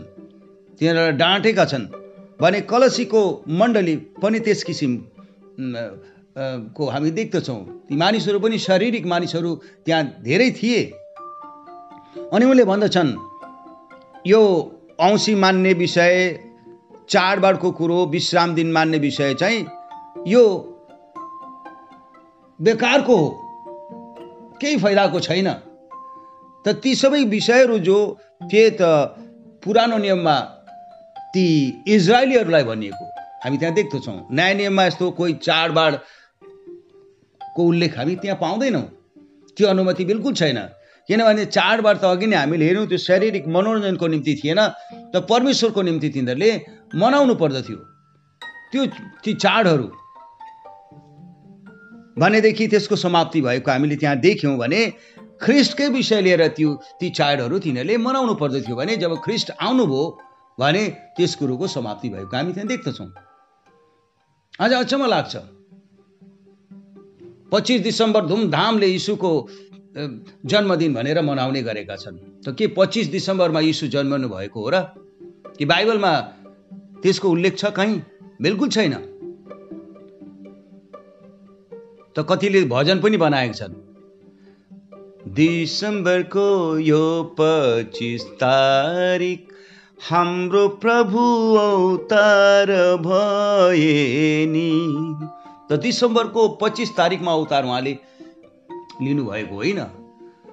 त बाइबलमा हामी हेर्नु पर्दछ उहाँ कुन दिन या तारिक या महिनामा जन्मनु भएको त त्यो भन्दैमा त्यस दिन हामीले धुमधामको जन्मदिन मनाउनु पर्दछ भनी भनिएको छैन। किनभने अघि नै त्यस कुरोको समाप्ति भइसकेको हामी त्यहाँ देख्दछौँ। पावलले दिनहरू महिनाहरू ऋतुहरू र वर्षाहरू नमान्नु भनेर त्यो आज्ञा दिएका छन्। त्यो परमेश्वरको आज्ञा हो। उनले आफ्नो विचारधारा प्रकट गरेको हामी त्यहाँ देख्दैनौँ। त प्रभुको जन्म चाहिँ कहिले भयो त? प्रभुको जन्म अप्रिल महिनामा भएको हो भन्ने कुरोको प्रमाण हामी पाउँदछौँ। किनभने अब भौगोलिक रूपले जब हामी हेर्छौँ भनेदेखि जुन जग्गामा प्रभुको जन्म भयो त्यो एउटा अति नै ठन्डा जग्गा हो। र अक्टोबर महिनादेखि लिएर मार्च महिनासम्म नै त्यहाँनिर बरफ पर्दछ। त्यस कारणले गर्दा नै ती भेडा गोठालाहरूले चाहिँ बाहिर चौरीमा निकाल्न सक्दैनन्। तर जब अप्रिल महिना लाग्दछ अप्रिलको पहिला सप्ताहदेखि तिनीहरूले बाहिर निकालेर यसरी भेडाहरू राख्ने गर्दछन्। त्यस समय नै भेडाहरूले जन्म दिँदछन्। वर्षमा एकचोटि अप्रिल महिनामा मात्रै भेडाहरूले जन्म दिँदछन्। यो सायद धेरैलाई थाहा छैन होला। हामीलाई जान्नु खाँचो छ। अनि त्यस समय नै प्रभु जन्मनु भएको किनभने उहाँ पनि एउटा त्यो मेमना हुनुहुन्थ्यो जो बलि हुनको लागि यस धरतीमा आउनुभयो। र उहाँको जन्म पनि अप्रिल महिनामै भएको तर कुन दिन अनि कुन तारिक हामीलाई त्यो थाहा छैन। अब यस विषय लिएर जब हामी हेर्छौँ भनेदेखि इतिहासमा जब हेर्छौँ त वर्षको पहिलो महिना अप्रिल महिना ठहराएको छ बाइबलमा। भनेदेखि अप्रिल महिनाको पहिलो दिनमै चाहिँ के गर्थे नयाँ साल मनाउने गर्थे धेरै वर्षसम्म। तर अकस्मात एक दिन यस्तो भयो रोमको सम्राटले चाहिँ त्यो नयाँ साल जो मनाउने गर्दथे त्यसलाई सारेर जनवरीमा पुर्याएर जनवरीको जनवरीको पहिलो सब माने दिन जनवरीको पहिलो दिन चाहिँ चाड मनाउनु भनी घोषणा जब गर्दछन् भने तिनीहरू जो तयारीमा थिए पहिले जस्तै त्यो चाड त आइसकेको थियो जसरी मान्दै ल्याएका थिए। खाने कुरोहरूको जोगाड भइसकेको थियो लाउने वस्त्रहरू तिनीहरूले किनिसकेका थिए। तर त्यो कुरो सुनेर तिनीहरू हस्रङ्गै भए। त्यसै कारणले गर्दाखेरि अप्रिल फुल आजसम्म मान्छेले त्यो दिनलाई मनाउने गर्छन्। त्यो यादगारको निम्ति। हुन त धेरैलाई सायद थाहा छैन होला यस विषय लिएर। यो ऐतिहासिक प्रमाण हो प्रियजनहरू। हो र अब बाइबलले के भन्छ त? उहाँको जन्म कहिले भएको रहेछ? आउनुहोस् हामी लुका र चिसो समाचार एकको छब्बिस अनि सत्ताइसलाई पढौँ। छैटौँ महिनामा परमेश्वरतर्फबाट ग्याब्रियल दूत गालिलको नासरथ नाउँको शहरमा एउटी कन्या केटी कहाँ पठाइए? तिनको मङ्नी दाउदको घरनाको युसुफ भन्ने एउटा मानिससित भएको थियो। त्यो कन्याको नाउँ चाहिँ मरियम थियो। त मरियमको मग्नी चाहिँ युसुफसम्मसँग भएको थियो। तर अब यहाँ देख्दछौँ यो छैटौँ महिना थियो। त्यस समय हामी देख्दछौँ गब्रियल स्वर्गदूत मरियम कहाँ देखा परेको? अनि तिनले जब भन्दछन् भने एकतिसमा पढ्यौँ भने हामी पाउँदछौँ तिस र एकतिसमा। अनि दूतले तिनलाई भने नडराउ मरियम किनभने तिमीले परमेश्वरबाट निगाह प्राप्त गरेकी छौ। अब हेर तिमी गर्भवती हुनेछौ र एउटा छोरो जन्माउनेछौ र तिमीले उहाँको नाउँ येसु राख्नु। येसुको अर्थ उद्धारकर्ता हो परमेश्वर नै मात्र केवल हुनुहुन्छ जो उद्धारकर्ता हुनुहुन्छ। भनेदेखि यो कुरो भनिएको थियो छैटौँ महिना थियो। त छैटौँ महिना चाहिँ कुन चाहिँ हो? त्यो बराबरीमा जो आउँछ भनेदेखि जुन महिनामा पर्दछ। भनेदेखि जुलाईदेखि हिसाब गरौँ त मार्चसम्म नौ महिना हुन्छ अनि नौ महिना दस दिनको हुँदाखेरि बालक जन्मिन्छ भनेर डक्टरले भन्दछन्। अनि एघार दिन पर्न गयो भने माने सिजरिङ हुन्छ। सिजरिङ भने भुँडी चिरेर चाहिँ त्यो नानीलाई निकाल्नु पर्दछ नत्र भने आमे आमा मरिहाल्छिन्। यो कुरो बताएको छ। भनेदेखि अब हामी दिन र तारिक त जान्दैनौँ।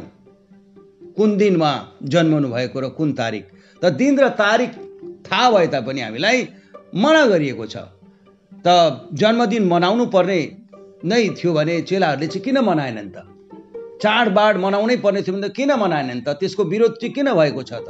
के चेलाहरूको आफ्नो विचारधारा प्रकट गरेका हुन् र होइन त्यो परमेश्वरको इच्छा जाहेर गरेका तिनीहरूले परमेश्वरले चाहनुहुन्न ती सबै कुरो त्यो व्यर्थका कुराहरू थाङ्ने कुराहरू। त्यसद्वारा परमेश्वर महिमित हुनुहुन्न। त्यसै कारणले गर्दाखेरि त्यो निषेध गरिएको हो। यो कुरो हामीले जान्नु पर्दछ। पच्चिस तारिक प्रभु नजन्मिएर डिसेम्बरमा नजन्मिएर चाहिँ अप्रिलमा जन्मिएको कुरोको प्रमाण हामीले वचनद्वारा पाइसकेका छौँ। जब हामी इतिहासलाई हेर्दछौँ कि यो पच्चिस डिसेम्बर चाहिँ क्रिसमस भनेर कहिलेदेखि मान्न सुरु गरे? यो सबैलाई सायद थाहा छैन होला। जब तिन सौ छत्तिस वर्ष बितिसकेको थियो प्रभु आएर गए पश्चात गइसके पश्चात त्यस समय हिन्दू सम्प्रदायको एउटा दल जसले सूर्य भगवान्लाई मान्दथे भने सूर्य भगवान्को जन्मदिन चाहिँ पच्चिस डिसेम्बर भएको थियो भनी उल्लेख गरिएको छ। त जब तिनीहरू रोमन क्याथोलिकमा तिनीहरू विश्वास गर्दछन् त त्यस समय कुनै चाडहरू तिनीहरूले रोमन क्याथोलिकहरूले पनि मान्दैनथे। अनि जब त्यो तिनीहरूले देखे यहाँ त रमाइलो रहेनछ शारीरिक मनोरञ्जनको लागि त यहाँ त केही पनि रहेनछ भन्ने जब तिनीहरूले देखे तब तिनीहरूले यो सोचे कि यहाँ रहनु ठिक होइन। अनि उतैतिर फर्किने फर्केर जाने सम्भावना जब देखे ती टाउकेहरूले जो रोमन क्याथोलिकका थिए पोप लगायत अनि तिनीहरूले यो निर्णय लिँदछन् कि यीशुको जन्म चाहिँ कहिले भएको हामीलाई थाहा छैन। त सूर्य भगवान्कै जन्मदिन जो पच्चिस डिसेम्बर मान्दै आएका छन् तिनीहरूले अब त्यस दिनलाई नै हामी यीशुको जन्मदिन भनेर मान्न सुरु गरौँ भनेर क्रिसमस नाउँ दिएको हामी त्यहाँ देख्दछौँ इतिहासमा। र यो सरासर गलत छ। बिल्कुल गलत। त्यस पश्चात त फेरि अर्को चाड गुड फ्राइडे अरे। यो के हो? के वर्षमा फ्राइडे चाहिँ एउटा गुड हुन्छ अरू चाहिँ ब्याड फ्राइडेहरू हुन्? नेपालीमा गुड फ्राइडे भनेको राम्रो शुक्रबार। हर शुक्रबार राम्रो शुक्रबार हो। कुन शुक्रबार चाहिँ नराम्रो छ? दिन मान्ने विषय लिएर आज कतिले भन्छन् विश्राम दिन सेभेन डे एडभान्टेजले शनिबारलाई मानेका हुन्छन्। त म यही भन्ने गर्छु ए भाइ हो तिमीहरू यहुदीहरू हौ। तिमीहरू खतना भएका छौ र त्यो दिन तिमीहरूले मान मान्नको निम्ति बाध्य छौ। त्यो दिन मान्नु भनेर भनेको छ। जब त्यो दिनको प्रभु आएर त्यस दिनलाई भङ्ग गर्नुभएको कारणले गर्दाखेरि उहाँलाई त्यो दोष दिएर मारेको हामी पाउँदछौँ एउटा रची सुसमाचार पाँचको सोह्र अनि अठारमा। यो कुरो कसरी हुन आयो द दिन हामीले मान्ने होइन प्रभुलाई हामीले मान्नु पर्दछ। विश्राम त प्रभु बन्नुभयो। मतिरुचि सुसमाचार एघारको अठाइसमा त्यो कुरो पाउँदछौँ। त्यहाँ यस्तो लेखेको छ हे सबै मेहनत गर्ने र बोल्दै दबिएका हो म कहाँ आऊ म तिमीहरूलाई विश्राम दिनेछु। त्यो पो भन्नुभएको छ। विश्रामको दिन नभएर प्रभु हुनुहुन्छ हाम्रो विश्राम। उहाँले कहाँ विश्राम गर्नुभएको छ? जब उहाँले सृष्टिको काम पुरा गर्नुभयो त विश्राम लिनुभएको थियो। उद्धारको काम गर्न जब आउनुभयो र आजसम्म त्यो काम जारी नै छ। पवित्र आत्माको रूपमा उहाँले काम गरि नै रहनुभएको छ। कहाँ विश्राम लिनुभएको छ? विश्रामको प्रभु हुनुहुन्छ। अनि अरू जो छन् भन्छन् होइन आइतबारको दिन चाहिँ विश्राम दिनु भनेर विश्राम दिन भनेर मान्ने गर्दछन्। बिल्कुल होइन आइतबार चाहिँ पुनरुत्थानको दिन हो विश्राम दिन त ठहराएको छ। अनि त्यहाँ सबैलाई प्रवेश मिल्दैन। वचनलाई लिएर यो सत्य वचनलाई लिएर साम्प्रदायिक मानिसहरू त्यहाँ पाइँदैनन्। बिल्कुल सम्भव छैन। बिल्कुलै सम्भव छैन किनभने वचनको प्रकाशन तिनीहरूमा छैन। त्यस पश्चात अरे इस्टर सन्डे अरे इस्टर पुनरुत्थानको आइतबार। त वर्षमा एक दिन मात्रै पुनरुत्थानको आइतबारलाई मान्नु र हामीले। त दिन त नमान्नु भनी भनिएको छ भने दिन मान्ने कुरो आएन। हरेक आइतबार इस्टर सन्डे हो। त हरेक आइतबार हामी एक जग्गा भेला हुने गर्छौँ। के वर्षमा एकचोटि मात्रै एउटा आइतबार भेला हुन्छौँ र? यो भुल धारणा हो। बिल्कुल सोला नै गल्ती हो। परमेश्वरको इच्छाको विरुद्धमा छ प्रियजनहरू। त्यस पश्चात फेरि हामी के देख्दछौँ? क्रिसमसको समयमा अरे सन्त क्लस भन्ने कोही यस्तो व्यक्ति तिनीहरूले ल्याए दृश्यमा। जबकि त्यस व्यक्तिको विवरण हामी इतिहासमा पाउँदछौँ। बिचरा उनी आध्यात्मिक रूपले बिल्कुल अन्धा थिए। उनले यो सचाइलाई देखेका थिएनन् यो कुरोलाई जानेका थिएनन् जो आज हामीले अन्तिम कलेसिया कालको भविष्यवक्ताद्वारा जान्न पाएका छौँ। त तिनी जब बालक थिए त्यस समय तिनी उनको आमा बाबाहरू जब मर्दछन् भने दुःख पाएका तिनले हुन्छन् अनि समयमा तिनी पाद्री बन्दछन् अनि त्यस पश्चात विश्वसम्म भनेर उनको मृत्यु भएको हामी त्यहाँ देख्दछौँ। त ती केटाकेटीहरूलाई उनले के गर्ने गर्थे भने उपहार दिने गर्दथे। सबैको घर घरमा गएर जो छेउछाउका थिए तिनीहरूलाई उपहार बेलुकी साँझ पखमा गएर त्यहाँ राखिदिन्थे ती नानीहरूलाई। अनि बिहान जब हुँदथ्यो भनेदेखि ती नानीहरूले यो कसले दिएको भन्दा आमा बाउले क्रिसमस फादरले दिएको भन्ने गर्दथे। प्रभु यीशु ख्रिस्ट आएर गए पश्चात जब दुई सौ अस्सी वर्ष बितिसकेको थियो उनको जन्म भएको कुरो हामी त्यहाँ देख्दछौँ। प्रियजनहरू यी सबै कुराहरू के हुन्? अघि नै त्यो कुरोलाई कुन कुरोमा संज्ञा दिएको छ? कङ्गाली कङ्गाली र निर्बल र कङ्गाली तत्त्वको संज्ञा दिएको छ। बेकारका थाङ्ने माग्ने कुराहरू हुन्। परमेश्वरको इच्छाको विरुद्धको कुरो हो। त्यसद्वारा परमेश्वर महिमित हुनुहुन्न।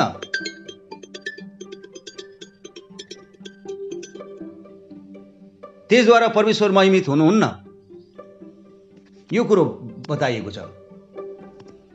त्यसद्वारा परमेश्वर महिमित बिल्कुल हुनुहुन्न। त्यसै कारणले गर्दा त्यसलाई निषेध गरिएको हो। यस विषय लिएर एउटा भजन मलाई गाउन मन पर्यो हुन त म गायिकार होइन। मेरो अति मिठो स्वर छैन। तर पनि बुझाउनको निम्ति म यो गाउने गर्दछु। यरुसलमको सहरमा बैतलहम गावैमा जन्मिथे प्रभु गोठैमा जन्मिथे प्रभु गोठैमा यरुसलेमको शिशिरको लुगे जाडोमा दोजिया मरियम गधामा शिशिरको लुगे जाडोमा दोजिया मरियम गधामा आश्रय खोज्दै साँझमा युसुफ उनको साथ साथमा आश्रय खोज खोज्दै साँझमा युसुफ उनको साथमा यरुसलेमको सहरमा बैतलहम गाउँमा जन्मिथे प्रभु गोठैमा जन्मिथे प्रभु गोठैमा यरुसलेमको एक्कासी उजाली देखेर गोठाला तर्से उठेर। एक्कासी उजाली देखेर गोठाला तर्से उठेर। न डराउ सुन यो सुसमाचार भने दुतले बारम्बार। न डराउ सुन यो सुसमाचार भने दुतले बारम्बार। यरुसलेमको सहरमा बैतलहम गाउँमा जन्मिथे प्रभु गोठैमा जन्मिथे प्रभु गोठैमा यरुसलेमको गैर गोठको कुनामा बालक प्रभु परालमा। गैर गोठको कुनामा बालक प्रभु परालमा।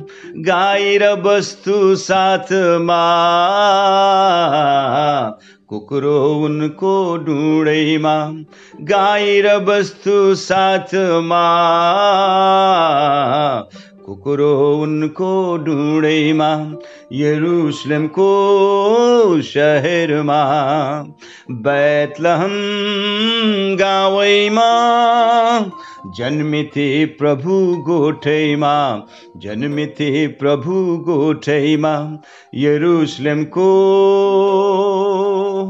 यसरी यो भजन त प्रेरणादायक छ तर यसमा प्रकाशन छैन। शिशिरको ऋतुमा नभएर ग्रीस के भन्छ वसन्त ऋतुमा प्रभुको जन्म भएको कुरो हामीले बाइबलमा देख्न सकौँ। प्रियजनहरू हो आज हामीले जन्मदिनसम्म मान्नु उचित होइन। बाइबलमा कहीँ पनि हामी देख्दैनौँ कि परमेश्वरका ती भक्तहरूले भविष्यवक्ताहरूले चेलाहरूले आफ्नो जन्मदिन मनाएको हामी त्यहाँ देख्दैनौँ। त्यसमा बाइबलभित्र कुनै उल्लेखै छैन। पुरानो नियममा हामी देख्दछौँ जो अन्य जातिबाटका थिए मूर्ति पूजक थिए उन उनी राजा थिए त उनको नाम फिरोन थियो।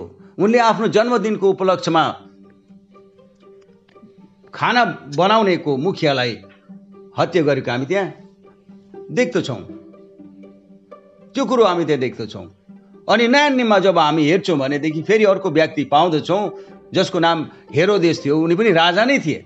उनको जन्मदिनको उपलक्ष्यमा बत्तिसमा दिने एउनाको शिर काटिएको छ। प्रियजनहरू हो त अब यी सबै कुरोहरू जो मानिसले गर्दै आएका छन् वचनको विरुद्धमा एउटा मूर्ति पूजा हो। केही पनि होइन। यी दिन मान्ने महिनाहरू मान्ने ऋतुहरू मान्ने अनि वर्षाहरू मान्ने विषय चाहिँ मूर्ति पूजाको बराबर बराबरमा आउँदछ। त्यो मूर्ति पूजा तुल्य हो। मूर्ति एउटा बनाएकोलाई मात्रै त्यसरी पुज्दाखेरि त्यो मूर्ति पुजेको त्यसलाई मात्रै भनिँदैन। जब शारीरिक कुरो छ त्यसमा हामी मन लगाउँछौँ भने त्यो पनि मूर्ति पूजा हो। परमेश्वरका जनता आत्मिक हुन्छन् र आत्माको कुरोतिर मन लगाउँछन्। त्यो शरीरको कुरोतिर मन लाउने परमेश्वरको जन बिल्कुल हुँदै होइन। र यसरी परमेश्वरको इच्छाको विरुद्धमा यो भइरहेको छ। त दिनको सपनामा छन्। प्रभु आउँदै हुनुहुन्छ। म उठाइ लगिनेछु भन्ने एउटा सपनामा छन्। तर त्यो सपना साकार हुनेवाला छैन। जबसम्म यो कुरोलाई तपाईँले त्याग्नुहुन्न र पूर्ण रूपले वचनमा आउनुहुन्न संस्था सम्प्रदाय छोडेर तपाईँले यो सपना नदेख्नुहोस्। तपाईँलाई धोका भएको छ। तपाईँले आफैले आफूलाई धोका दिइरहनु भएको छ। ती सबै व्यर्थको कुरोमा मन नलगाउनुहोस्। यदि परमेश्वर कहाँ जाने तपाईँको इच्छा छ भने तपाईँले साम्प्रदायिक ती शिक्षालाई त्यागेर वचनलाई अपनाउनुहोस् र सोलायना वचनलाई पालन गर्नुहोस्। किनभने वचनमा न त हामी थप्न सक्छौँ न त्यसबाट हामी निकाल्न सक्छौँ। बिल्कुल त्यो परमेश्वरको इच्छाको विरोधमा हुन जाँदछ। भनेदेखि आज त्यसरी संस्था सम्प्रदायले त्यो परमेश्वरको वचनको विरोध गरेका छन् र यो ठुलो अपराध हो। बिलो ठुलो अपराध हो। अविश्वासको काम हो। त्यस कारणले गर्दा उहाँले क्षमा दिन सक्नुहुन्न। र प्रियजनहरू अब निर्णय लिनुहोस्। यो कुरो सत्य हो कि होइन? यदि तपाईँ साँच्चै नै परमेश्वरको भेडा हुनुहुन्छ भने आवाज तपाईँको निम्ति आज यो साधन रूपले छ। बुझ्न कठिन छैन सरल छ। र आज यो जति मैले संक्षेपमा वचन राखेको छु यो सबैले जहाँसम्म मैले बुझ्नुभयो भन्ने एउटा विश्वास राख्दै यही अन्त गर्न चाहन्छु। धन्यवाद।